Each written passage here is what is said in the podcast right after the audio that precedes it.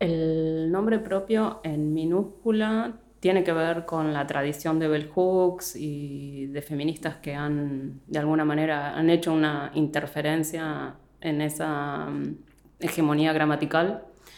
y, también apuesta a la minorización del nombre propio, a que lo más importante es el texto y no la firma. De alguna manera también es una intervención anticapitalista, donde hay una exaltación de la firma o del nombre propio. Así que sí, hace eh, algunos años que lo vengo usando en minúscula, es toda una lucha, una lucha mm, contra la normativización editorial, que constantemente me lo, me lo ponen en mayúscula, eh, dentro del propio activismo. Así que sí, tiene que ver con, digamos, inscribirme en esas genealogías críticas de los feminismos y de la disidencia sexual, ¿no? Y son como esas microintervenciones dentro del lenguaje contra esas mayúsculas que, que nos van imponiendo también modos de pensar el mundo. También uso el Valeria Flores, el Val Flores, como no, no tengo un modo eh, unificado de nombrarme, porque el, Val Flores, eh, mucha gente me pregunta si, si, lo uso para que no tenga una eh, marcaje de género, ¿no? Y la verdad que prefiero no unificarme en, algún nombre, sino que también que pueda, el nombre pueda proliferar entre Vale, Val, Valeria, eh, siempre minúscula, pero sí, como en esas distintas nominaciones. De hacer de la timidez algo productivo, como no de erradicación de la timidez o la vergüenza, sino de productivizar esos afectos o esas condiciones que aparecen como negativas, pero eh, que una las puede poner a trabajar con otros sentidos.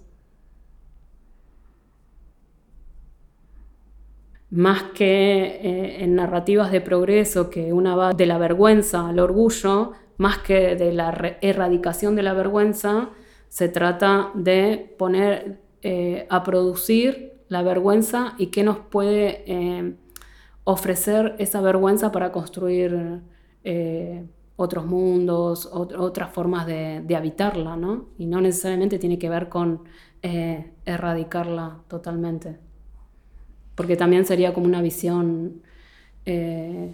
optimista, a ultranza, que mucho de la pedagogía está hecho de eso, ¿no? Eh, sino de, trabajar esas negatividades eh, poniéndolas a producir con otros imaginarios y, formando parte, pensándolo más en términos pedagógicos, cómo esos afectos negativos son parte de, nuestra práctica. El tema es que cómo lo elaboramos eso. Digo, como, porque en general la práctica educativa se suele pensar en esos términos de, logro, de optimismo a ultranza, y, y, qué pasa cuando las cosas no suceden. Cuando, no quiero decir fracaso, porque está muy asociado al éxito y son términos como bastante mercantilistas, digamos, pero ¿qué pasa cuando, digo, no suceden, cuando hay errores, cuando, digo, mm, hay una gama de afectos que componen nuestra práctica educativa, pero que sin embargo están subsumidos en una retórica de optimismo a ultranza, ¿no? Y que donde no hay espacio para pensar eso, eh, y que para mí darle espacio a pensar eh, esas otras afectividades que están presentes, también daría lugar a pensar otros modos de la transformación educativa, ¿no? Porque es como si no es el logro que hay que obtener y si no se obtiene ese logro se fracasa, pero lo cierto es que en el ámbito del aula eh, pasan como cientos de cosas a, las docentes, a los estudiantes y, qué pasa con eso, ¿no? Pero porque también pienso la, pedagogía queer como una contaminación constante también de distintos lenguajes y es como poner en el centro de la escena eh, los procesos de normalización sexogenérica, pero siempre atravesados con otros procesos de normalización. Igual, para mí, una de las apuestas eh, de, esta pedagogía más antinormativa, me parece que tiene que ser eh, trabajar como en dos planos. Por un lado, una podría decir de reconocimiento de ciertas identidades identidades que tienen que ver con lesbianas, gays, travestis, trans, y que esas identidades empiecen a formar parte de esa cotidianidad escolar, y no me refiero a normalizar esas identidades, sino que empiecen a habitar la cotidianidad escolar. Y habitar puede ser en términos de disputas, de conflicto, de, este, modos de estar, pero de algún modo que, que habiten el espacio escolar. Y por otro lado, que, digamos esa sería una política más de identificación, pero que eh, hay un nombre ahí para otra posibilidad de vivir el cuerpo, hay un nombre disponible y sabemos que además las vivencias del cuerpo siempre desbordan las identidades. Pero me parece importante trabajar a, ese nivel. Por un lado, una política de identificación y de reconocimiento de identidades identidades que son construidas por este saber heteronormativo como, como raras, extrañas o excéntricas o patologizadas o criminalizadas y, y, poder eh, de algún modo eh, establecer un espacio para que estudiantes y docentes puedan eh, desarrollar narrativas acerca de sus vidas en relación a esas identidades. Digo, y esto con toda la, como, con toda la consideración de lo que significa pensar en identidades, como digo, una identidad siempre es histórica, es relacional, es contingente, ¿no? Como pensando, digo, estas condiciones de la identidad. Y por otro lado, para mí también tiene que trabajar en una política de desidentificación, ¿no? Como tal vez nos resulte más complejo porque acá es donde sí apuntaría a la proliferación de otros deseos que tal vez no necesariamente encuentren un nombre, ¿no? Eh, tan definido, con una identidad, digo, porque además esto de lesbianas, gays, trans también son, son categorías occidentales que usamos para nombrarnos, pero que también tienen una historicidad y una carga de lucha que una no, no puede desconocer. Eh, pero también trabajaría como, para mí, como que son dos planos constantes en los que una tendría como verse, ¿no? Como justamente para mí es como la desidentificación es la alerta ante, ante la fijación de esas identidades o ante la estabilización o ante la construcción de, narrativas que son demasiado uniformes o monolíticas. Entonces la identificación lo que permite es como ahí una fisura, una disrupción en esas... Eh, eh, narrativas que, tal vez se van convirtiendo como en, normalizadas, ¿no? Entonces, para mí una pedagogía queer tendría que trabajar como en esas dos líneas. Y, esto lo digo pensando que tal vez genere como bastante polémica con respecto a las infancias trans, que rápidamente, eh, digo, se, se, instaló en las escuelas como una categoría y yo lo que pienso que por un lado reconoce otras eh, formas de vivir los cuerpos de niñez, ¿no? que por un lado permite nombrar, permite enunciar, permite mm, reconocer las violencias a las cuales son sometidos los cuerpos de los niños y las niñas y de los niños,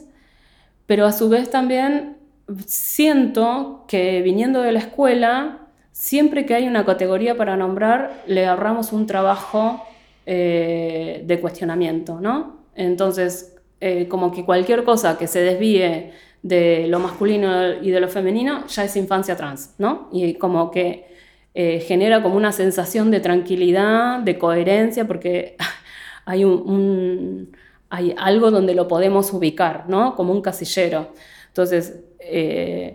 me parece a mí que, hay que estar como atentas o con una, eh, un índice de sospecha de esas categorías eh, que nos sirven digo, para darle sentido o hacer sentido respecto de, ciertas identidades que han sido eh, históricas o sistemáticamente excluidas de la escuela, pero también estar atenta de,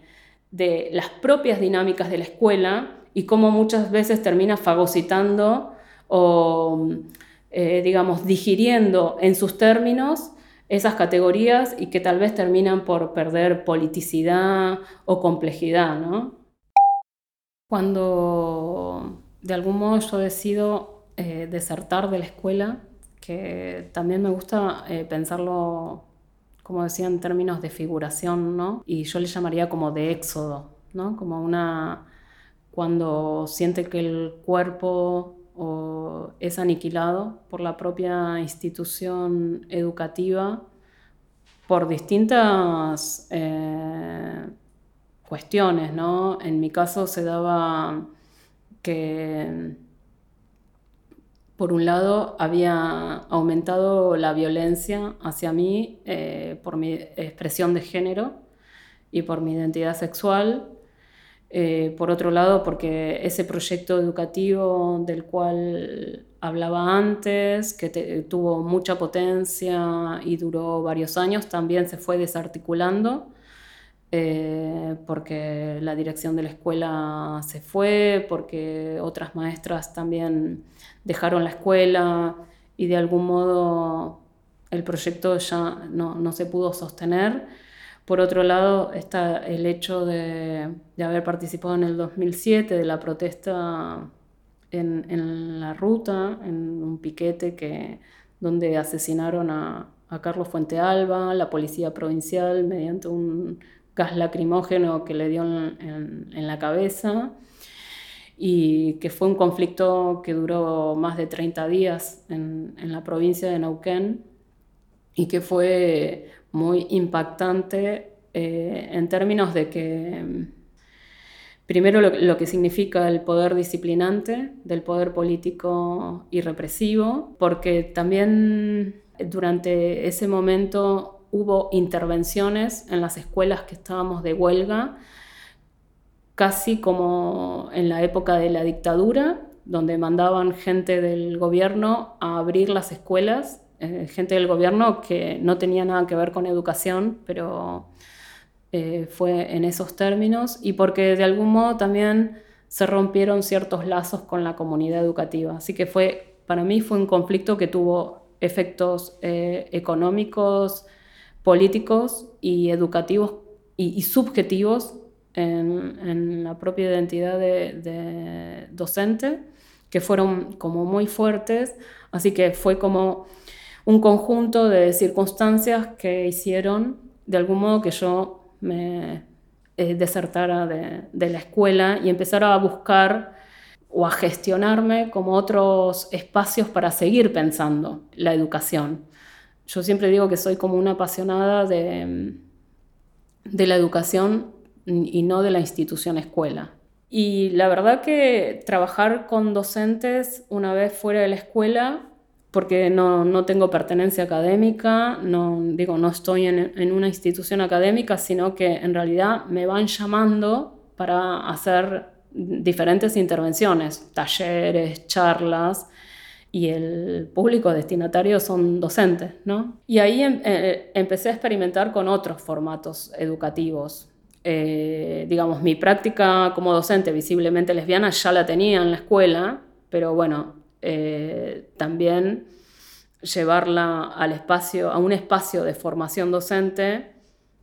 tiene como otras implicancias en el sentido de poder interrelacionarla también con, con otros interrogantes pedagógicos.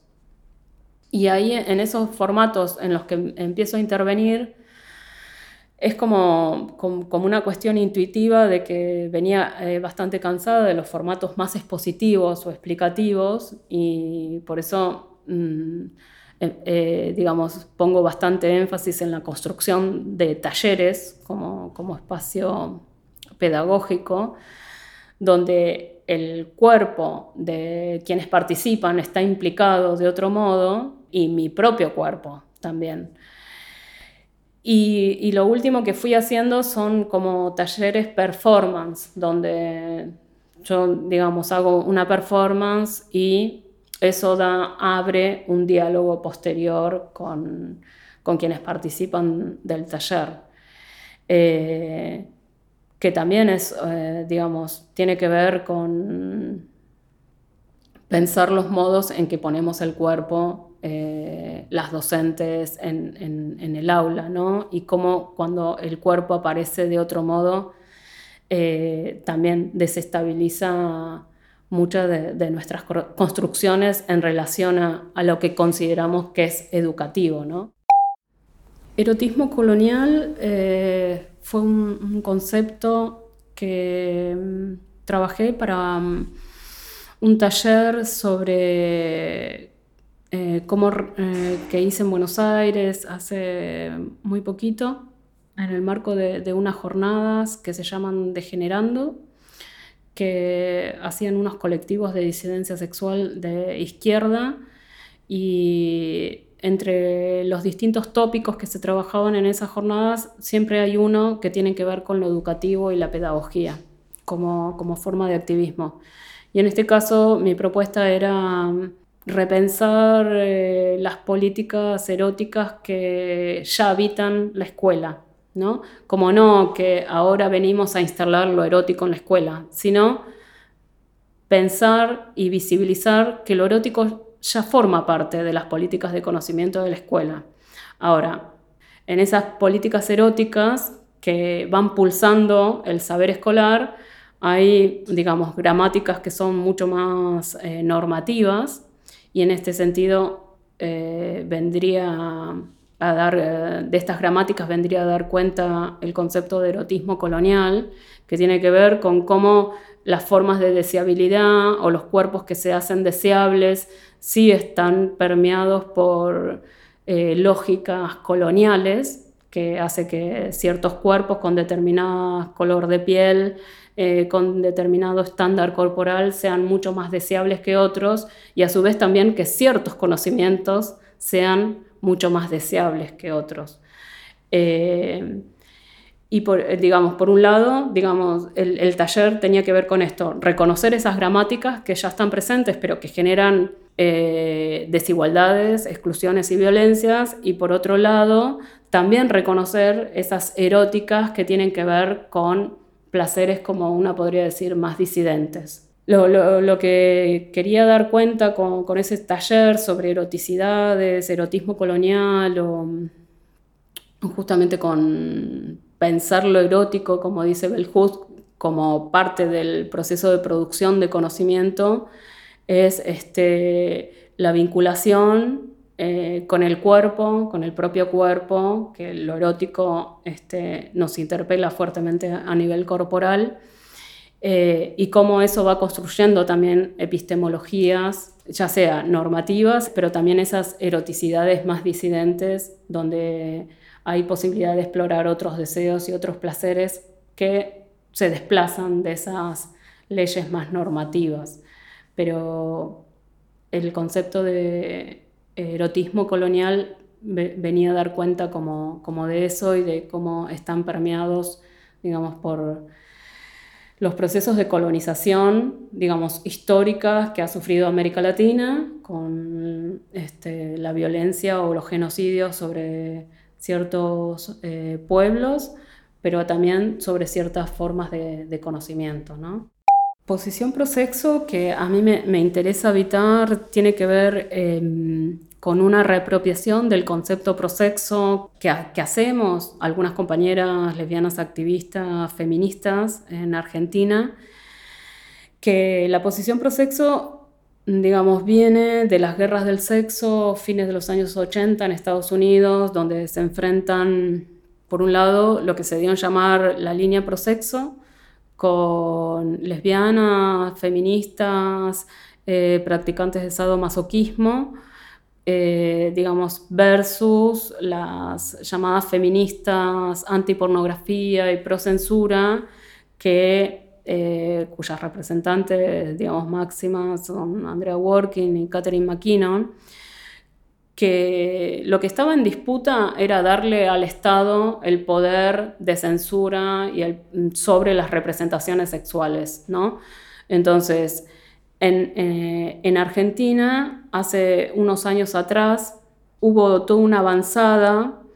sobre mm, eh, el trabajo sexual, pero bajo la excusa de las políticas antitrata, que esto fue casi a nivel internacional, ¿no? cuando las políticas antitrata se eh, conjugan con políticas de control migratorio y políticas de seguridad. Y esto fue permeando fuertemente al feminismo mayoritariamente abolicionista, digamos, eh, que está a favor de la abolición, de eh, la prostitución, como lo llaman, y, fue teniendo a nivel del Estado en Argentina políticas que eh, lo que terminaban haciendo era prohibir los avisos de ofertas sexuales, implementar en las provincias leyes antitratas que lo que terminaban haciendo era criminalizando a las trabajadoras sexuales, Em, mediante eh, la detención, el allanamiento a las cooperativas que habían formado para autogestivas de trabajo sexual. Incluso se llegó a plantear la criminalización de los clientes. Y entonces había como una avanzada muy fuerte de criminalización y estigmatización del trabajo sexual y un grupo de lesbianas, feministas, que veníamos pensando sobre esto, nos interesaba que también se oyeran otras voces dentro del feminismo. Entonces lo que hicimos es apropiarnos de la categoría de prosexo para plantear eh, una posición a favor del reconocimiento del trabajo sexual, pensando que también prosexo es una categoría mucho más amplia, que no solo refiere al trabajo sexual, sino que refiere a otras expresiones públicas de la sexualidad. Eh, así que nosotras sacamos una proclama de lesbianas feministas pro sexo a favor del reconocimiento del trabajo sexual, que fue una proclama que generó como mucha polémica, con muchas acusaciones hacia nosotras, tratándonos de, en ese contexto nos trataban como de fiolas, de por qué hablábamos sobre el trabajo sexual si nosotras no éramos trabajadoras sexuales. Y digamos, para, mí, para nosotras el el, punto fundamental ahí era eh, recuperando esta tradición prosexo que no se, no se trataba de hablar en nombre de las trabajadoras sexuales, sino plantear un posicionamiento político crítico desde el feminismo acerca de qué es lo que podemos hacer con nuestros cuerpos y, no darle al Estado el poder de decidir qué es lo que podemos y no podemos hacer eh, en relación a, nuestro cuerpo y a, cómo se articulan las políticas sexuales con las políticas económicas y las políticas represivas. Digamos, lo que estaba en juego ahí es eh, las concepciones de sexualidad que eh, se estaban, digamos, estaban hegemonizando eh, los discursos acerca del trabajo sexual. Así que lo de prosexo viene en, articulación con estos debates que se han dado en Argentina y a mí me interesaba además eh, traerlo una posición prosexo que, que, sé que es bastante complejo y está siendo bastante experimental en, mis textos en educación, pensando también que una pedagogía queer, donde lo queer recupera estas políticas pro sexo, estos posicionamientos pro sexo, o del activismo que dieron lugar eh, a otras eh, formas eh, y prácticas sexuales, ¿qué pasa cuando eso es pensado en el ámbito educativo? En el ámbito educativo, eh, más eh, pensándolo cuando una trabaja con niños y niñas y qué pánicos sexuales eh, estallan cuando una además dice prosexo, ¿no? Porque rápidamente hay cierta estigmatización de que Digo, lo prosexo es que, como dicen acá, vas a follar con todas o estás caliente todo el tiempo. Y la verdad que con lo que tiene que ver es con ir, eh, no sé, perforando con preguntas ese currículum escolar y cuánto de políticas antisexo tiene, digamos, ese currículum. Ya no solo el currículum escolar, sino también el currículum que está disponible a partir de la educación sexual integral. Entonces, eh, digo, es un tanteo que estoy haciendo de empezar a contaminar esa categoría que parecería que pertenece al ámbito de, las discusiones acerca del trabajo sexual en el ámbito activista o en el ámbito jurídico, bueno, ¿qué pasa cuando uno, cuando una trae esa categoría que empieza a contaminar la pedagogía? Eh, que obvio que no, no, es fácil, es complejo y por eso digo que estoy como tanteando también eh, estas articulaciones entre pedagogía queer, posición prosexo y desheterosexualización.